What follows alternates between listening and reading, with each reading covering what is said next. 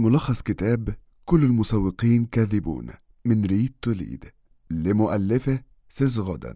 عشان وقتك أغلى حاجة عندك Read to Lead عملت لك ملخصات لكتب ال business وريادة الأعمال.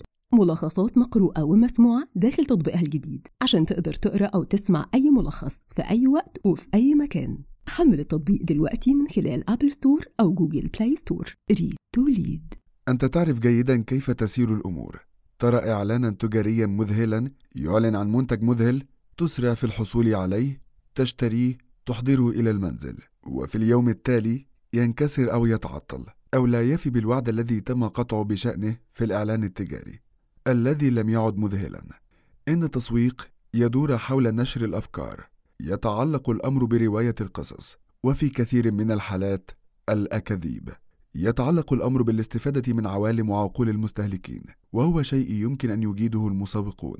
هذا هو بالضبط ما يدور حوله هذا الملخص. في الواقع في كل المسوقين كاذبون يمتلك المؤلف بعض الأفكار الرائعة حول عالم التسويق. وكيف يفكر المسوقون؟ وكيف قاموا بإنشاء القصص والأكاذيب والاحتيال؟ لعقود من الزمن والتي كان لها تأثير على حياة كثيرين سواء للأفضل أو للأسوأ.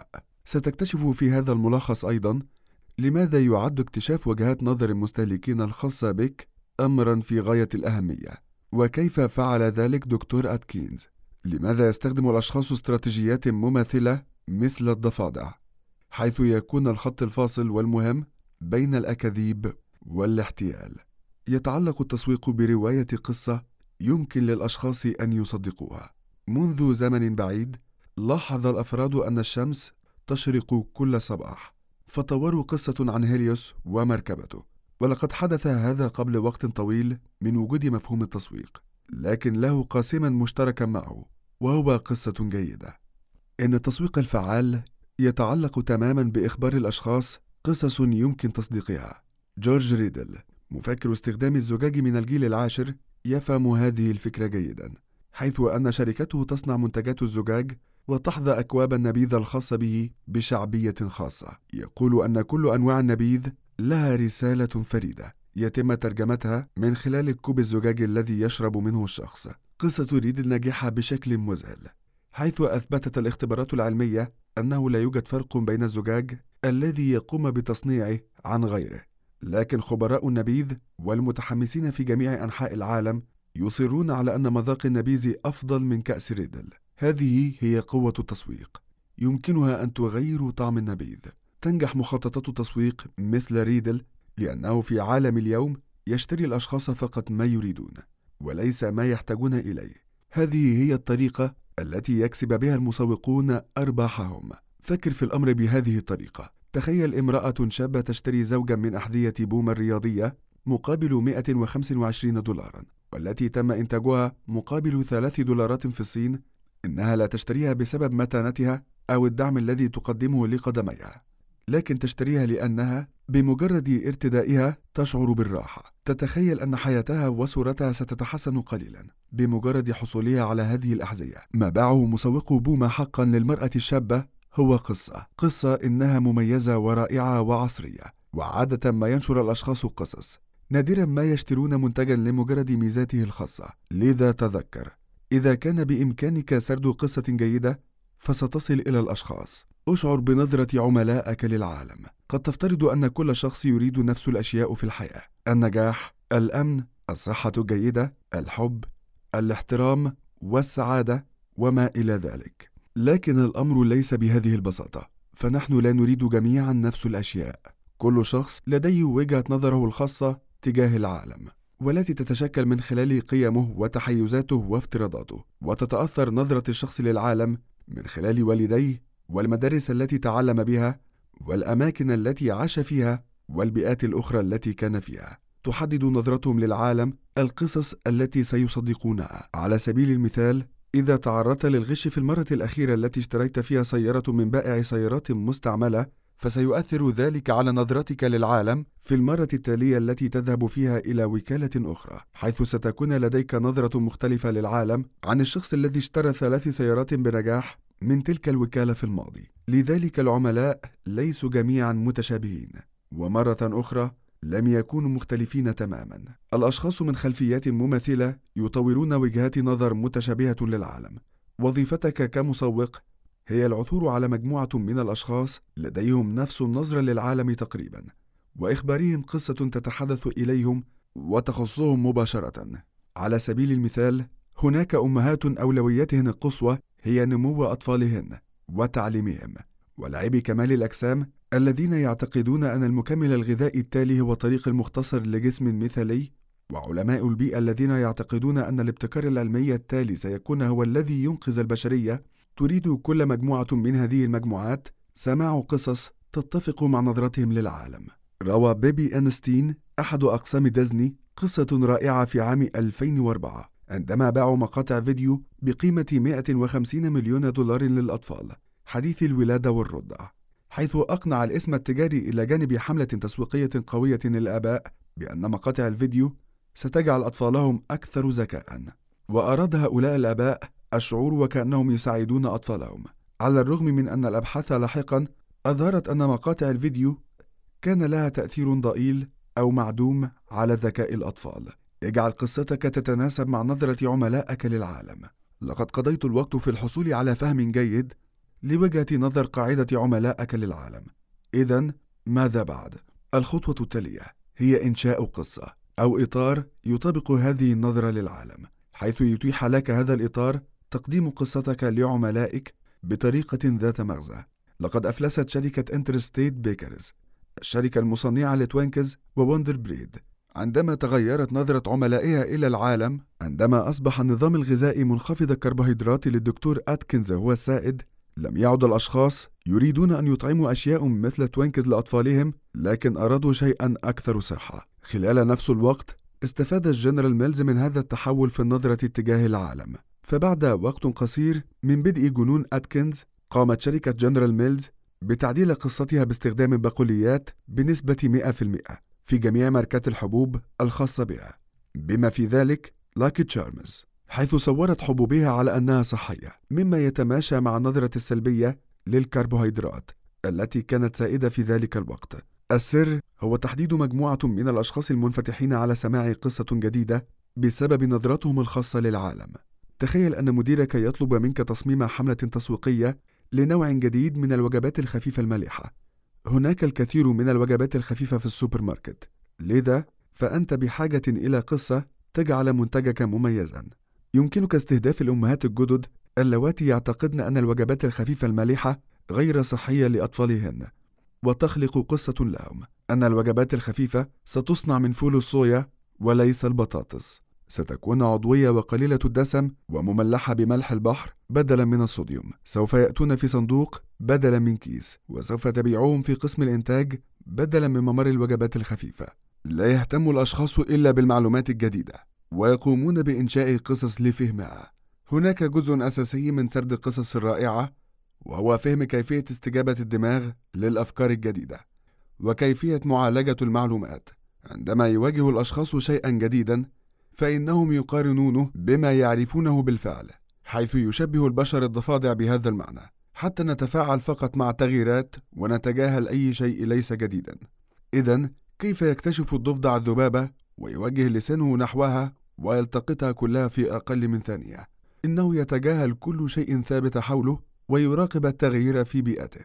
وبالطريقة نفسها عندما تدخل الذبابة إلى منزلك ستلاحظ على الفور ما إذا كان هناك شيء قد تغير؟ بالطبع لا يمكن للبشر اصطياد الذباب بألسنتهم ولكن يمكننا أن نكتشف على الفور ما إذا كان السوبر ماركت قد حصل على نوع جديد من البيرة أو أن ساعي البريد قد قص شعره بشكل مختلف. بمجرد أن يلاحظ الأشخاص شيئا جديدا تبدأ أدمغتهم بمحاولة فهمه ويبحثون بشكل طبيعي عن تفسيرات لما يرونه لأن الدماغ لا يهدأ ولا يحب العشوائية أيضا. لذلك إذا انكسرت نافذة فقد نبحث عن شيء ما على الأرض حيث نقوم على الفور بتطوير نظرية حول كيف تم كسر النافذة ونتحقق لمعرفة ما إذا كان ذلك صحيحا.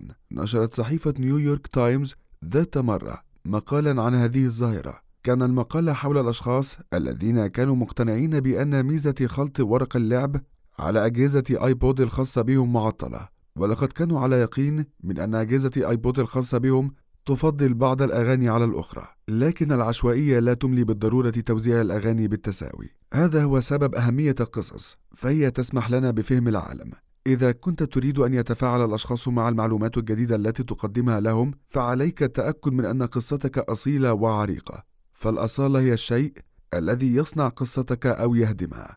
فقط القصص الحقيقية هي التي لها تأثير مدوي على الأشخاص. لقد حكمنا جميعا على الأشخاص بناء على مظهرهم من قبل، حتى لو لم نقصد ذلك. فنحن نصدر أحكاما سريعة حول الأشخاص والأشياء طوال الوقت، غالبا دون أن ندرك ذلك. بصفتك جهة تسويق، فإن مهمتك هي التأكد من أن عملائك يتخذون القرار الصحيح عندما يتعرضون لمنتجك لأول مرة. هناك فرق بين أول تعامل لعميلك بعلامتك التجارية وانطباعه الأول عنها. غالبا ما يخلط الأشخاص بين هذين الأمرين. إن أول اتصال للعميل بالعلامة التجارية هو ببساطة أول تعامل بسيط له، والذي قد لا يؤدي بالضرورة إلى رد فعل. أول رد فعل ذي مغزى هو الانطباع الأول. تخيل أنك تتلقى بريدا إلكترونيا ترويجيا من متجر عبر الإنترنت.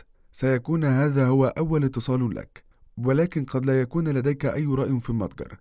إذا اشتريت بعض الأحذية منهم لاحقا ولم تصل الأحذية أبدا، فسيكون هذا انطباعا أول لك ولن يكون إيجابيا. تعتبر الانطباعات الأولى أمرا حيويا، لكنك لا تعرف أبدا أي جانب من جوانب عملك سيولد الانطباع الأول. هذا هو سبب أهمية الأصالة. تكون قصتك أصيلة. عندما تكون متماسكة بالنسبة إلى جميع جوانب نشاطك التجاري، فقد يحتاج منتجك وموظفوك ورسالة شركتك إلى التوافق مع بعضهم البعض، وهذا يعني أن جميع نقاط الاتصال الأولى المحتملة لشركتك يجب أن يكون لها صدى مع الرسالة التي تحاول إرسالها. لذلك، إذا كان شعارك وموقعك رائعين ولكن موظفيك فظين أو كانت منتجاتك دون المستوى فإن قصتك ليست متماسكة وبالتالي أنت لست أصليا فلن تتمكن من الوصول إلى عدد كبير من الأشخاص بدون قصة متماسكة وحقيقية.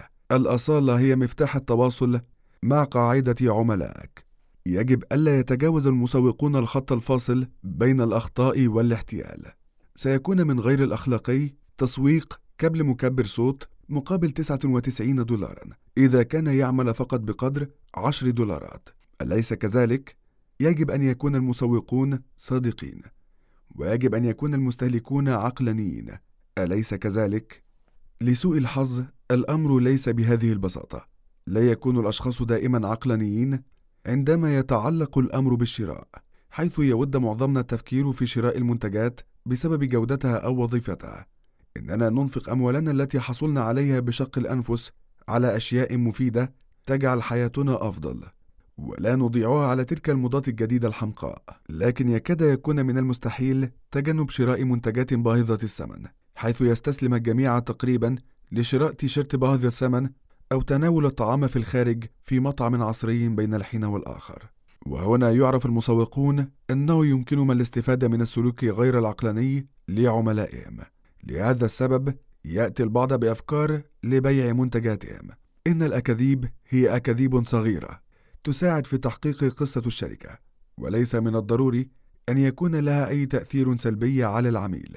جورج ريدل صانع زجاج النبيذ الذي تحدثنا عنه من قبل كاذب.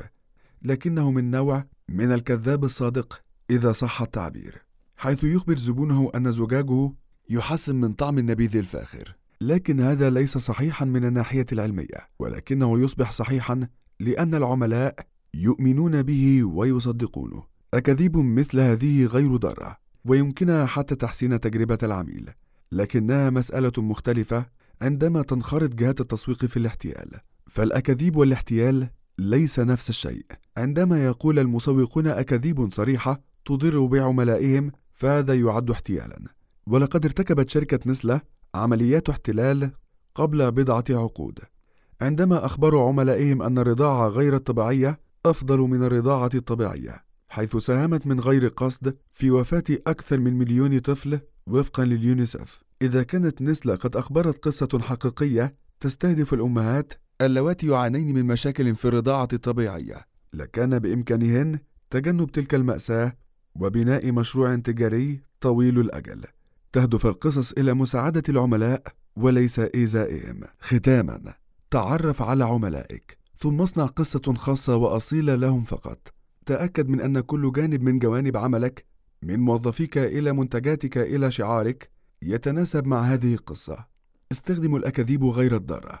إذا كان ذلك مفيدا لك ولعملائك. ولكن لا تقم أبدا بالاحتيال عليهم.